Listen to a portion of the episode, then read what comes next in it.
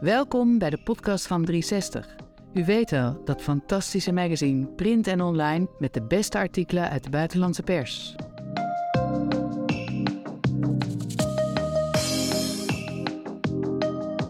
Generatie Z, ingeklemd tussen fast fashion en duurzaamheid.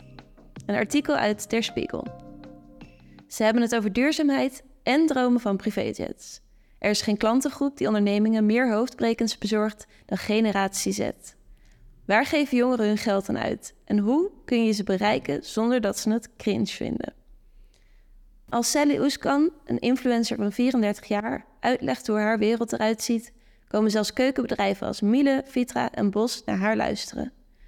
Ook managers van andere traditionele bedrijven zijn naar München gekomen om iets van haar op te steken.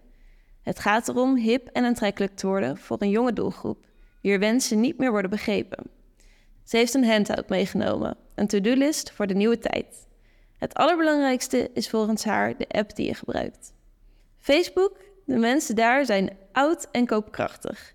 En die zijn het gemakkelijkst te bereiken met nostalgie. Met slogans in de trant van vroeger was alles beter. Generatie Z moet je elders zoeken, vertelt Oeskan. Op veel good site Pinterest bijvoorbeeld. Veel geld, veel vraag of op TikTok. Laag inkomen, korte aandachtspannen. Om de heel jonge consument te bereiken, moet de bedrijfstak in elk geval zijn oude reclamespotjes overboord gooien. Wat voor hen telt, is geloofwaardigheid.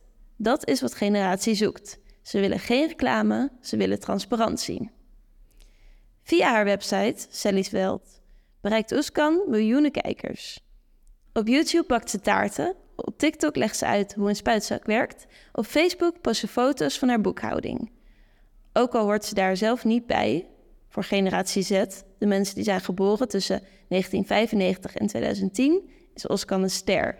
Zij weet hoe je de zoomers moet aanspreken. Om de maand maakt ze een grote keukeninrichtingsvideo voor het dure merk Nobilia.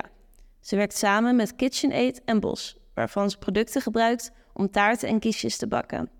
Silicon Valley, dat ze samen met haar man runt in Baden, heeft een miljoenen omzet en bijna 150 werknemers. Haar simpele formule? Fabrikanten kopen bij ons geloofwaardigheid, zegt Oskan. En dat mag wat kosten.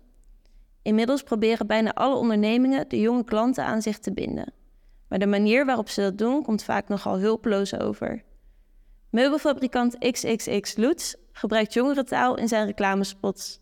Duits Telekom probeert met behulp van een jonge vrouwelijke rapper van zijn dure imago af te komen. Ryanair gooit het over een hele andere boeg en steekt op de sociale netwerken de draak met ontevreden klanten. Generatie Z is op de consumentenmarkt inmiddels de grootste machtsfactor. Over een paar jaar zal ze de millennials als grootste kopersgroep voorbijstreven. Business Insider schat haar koopkracht in de VS nu al op 360 miljard dollar.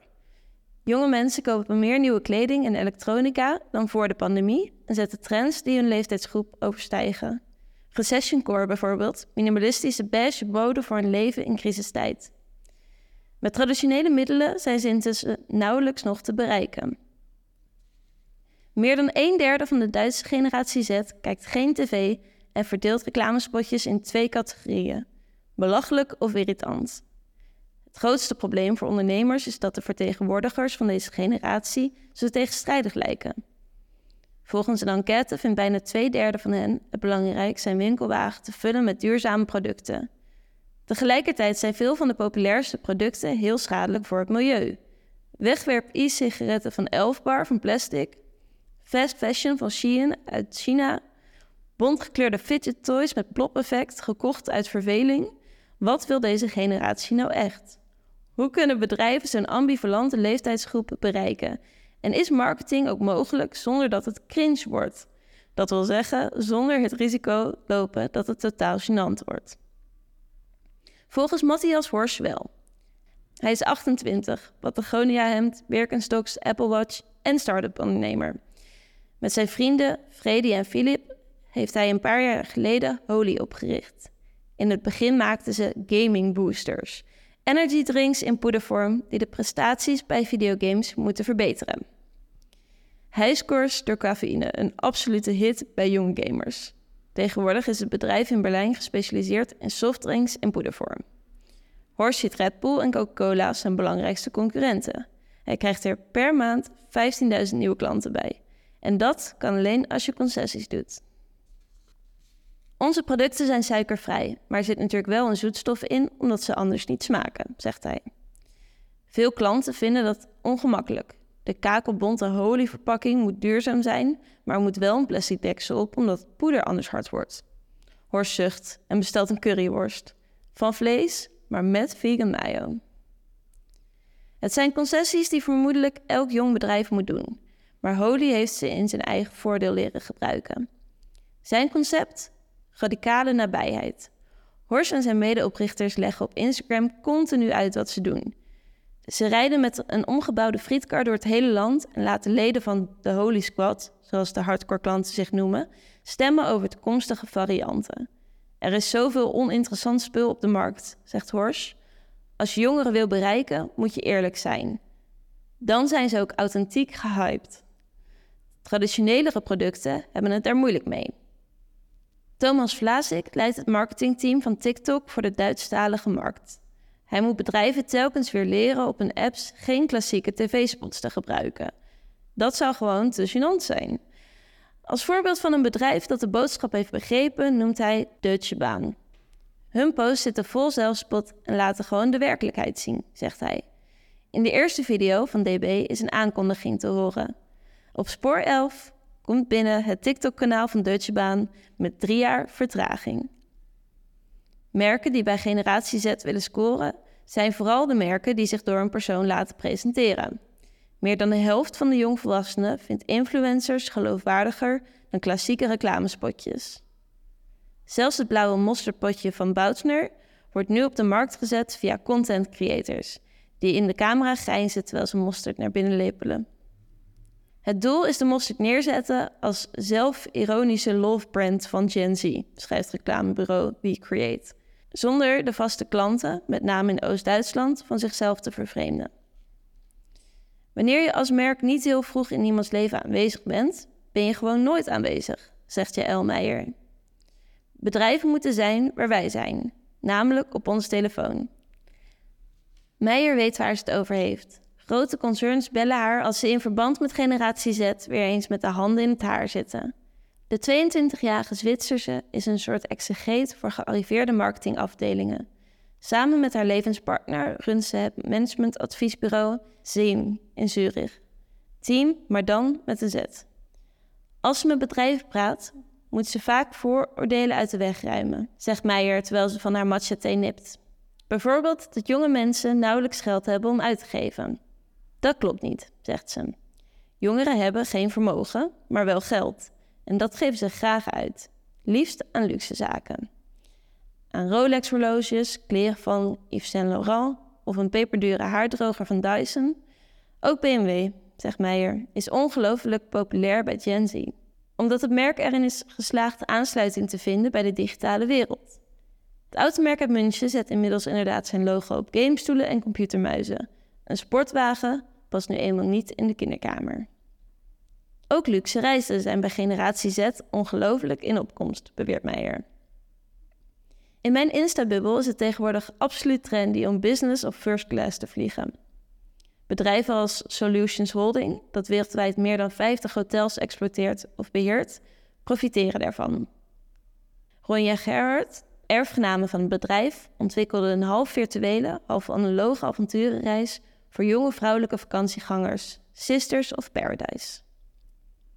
De kern ervan is een soort speurtocht met websitebegeleiding, waarbij een bende meisjes helpt die op zoek gaan naar een verdwenen broer. Op elke vakantielocatie van Gerard wordt een nieuw hoofdstuk van de participatieroman geactiveerd. Een trip die het midden houdt tussen rollenspel en voorleesboek. Juist jonge mensen, zegt Ronja Gerard, willen geen doorsnelhotels, maar een story. Zulke trends zorgen bij bedrijven voor verwarring. Was het niet deze generatie die niet van straat weg te krijgen was omdat ze opkwam voor het klimaat? Hadden ze het niet zojuist nog over vliegschaamte? Mark Hertz, 41, marktondernemer en partner bij het strategiebureau CUP in Berlijn, heeft begrip voor deze ambivalentie. De nieuwe hardheid in de wereld drukt ook een stempel op generatie Z. over elkaar heen buitelende crisis zijn deel van het dagelijks leven van deze leeftijdsgroep. Die is opgegroeid met corona, de klimaatcrisis en de Russische oorlog tegen Oekraïne. En die nu ook wel eens wat anders wil. Bij een deel constateert Hertz een vlucht naar schoonheid, die af en toe doorslaat naar verspilling. Uit onderzoek blijkt dat 20% van de jongeren tussen de 14 en 29 jaar schulden heeft. Hertz ziet dat deze generatie in een zingevingscrisis zit. Jongeren zijn zich bewust van hun verantwoordelijkheid en zouden vaak ook meer aan biologische producten willen uitgeven. En dan moeten ze voor zichzelf verantwoorden dat ze geen weerstand kunnen bieden aan snelle modetrends. Dan zeggen ze dat iedereen het immers doet en dat je toch niets goed kunt doen, zegt Hertz. Een kwart van de 18 tot 25-jarigen vindt het in eerste instantie een taak van de overheid om milieuproblemen aan te pakken. Slechts 13% geeft zichzelf de schuld. Chinese webwinkels als AliExpress en Temu, razend populair bij generatie Z, passen in dit beeld. Hier speelt een schoon geweten dan even geen rol. Jongere consumenten die het anders willen doen, zie je op zaterdagochtend in Hamburg. Startup Finokilo verkoopt er vintage kleren. De rekken hangen vol geruite overhemden, spijkerrokjes en bloemetjesjurken. De clue is dat je hier per kilo betaalt. De prijzen liggen tussen de 40 en 55 euro. Zo'n 100 jongvolwassenen verdringen zich tussen de rijen. Sera, 20, stopt kleren in een fruitkrat die op een weegschaal staat. Vijf kilo, zegt ze lachend en ongelovig. Ze duwt haar metgezel twee jassen in handen en weegt alle items nog eens. Eén voor één. Ze heeft al zoveel kleren, zegt ze. Ze koopt ze toch. Achter Kilo zit ondernemer Robin Balser, 33, die al als student een soort kledingruilbeurs runde. Sinds 2017 verkoopt hij beroepsmatig tweedehands spullen en heeft hij het oude idee van verkoop per kilo voor nieuwe generatie aantrekkelijk gemaakt. Sera en andere klanten hebben het evenement ontdekt op Instagram. Don't let fashion rule you, schrijft Kilo daar. Dat past bij hun levensstijl. Wie vintage koopt, draagt zowel individualiteit als duurzaamheid uit. In de ogen van de kopers, zegt Robin Balser, is tweedehands kleding van een soort volle veranderd in een premium product. De influencercultuur heeft een druk gecreëerd om iedere dag iets anders aan te trekken. Zo'n driekwart van generatie Z zegt wel eens tweedehands kleding te hebben gekocht. De koopzucht wordt in elk geval niet minder. Ze verandert alleen. Neem Henry, 19 jaar, die met zijn vingers snel door de mannen over gaat. Minder consumeren is belangrijk voor hem, zegt hij. Maar nog belangrijker is hoe dingen eruit zien. Het lijkt alsof deze generatie klem zit tussen twee uitersten: fast fashion en slow vintage, verspilling en duurzaamheid. Maar er is een derde weg, en ook die is al lang een trend geworden. Met die influencing willen jonge mensen corrigeren wat influencers hebben aangericht. Ze gaan voor een camera zitten, laten allerlei producten van Amazon of Chinese webwinkels zien en zeggen wat niemand anders zegt. Dit heb je helemaal niet nodig. Mijn naam is Willy Wartaal en ik ben altijd de meest bijzondere gast op elk feestje. Want ik lees het beste uit de internationale pers in 360 Magazine. Ga naar 360magazine.nl.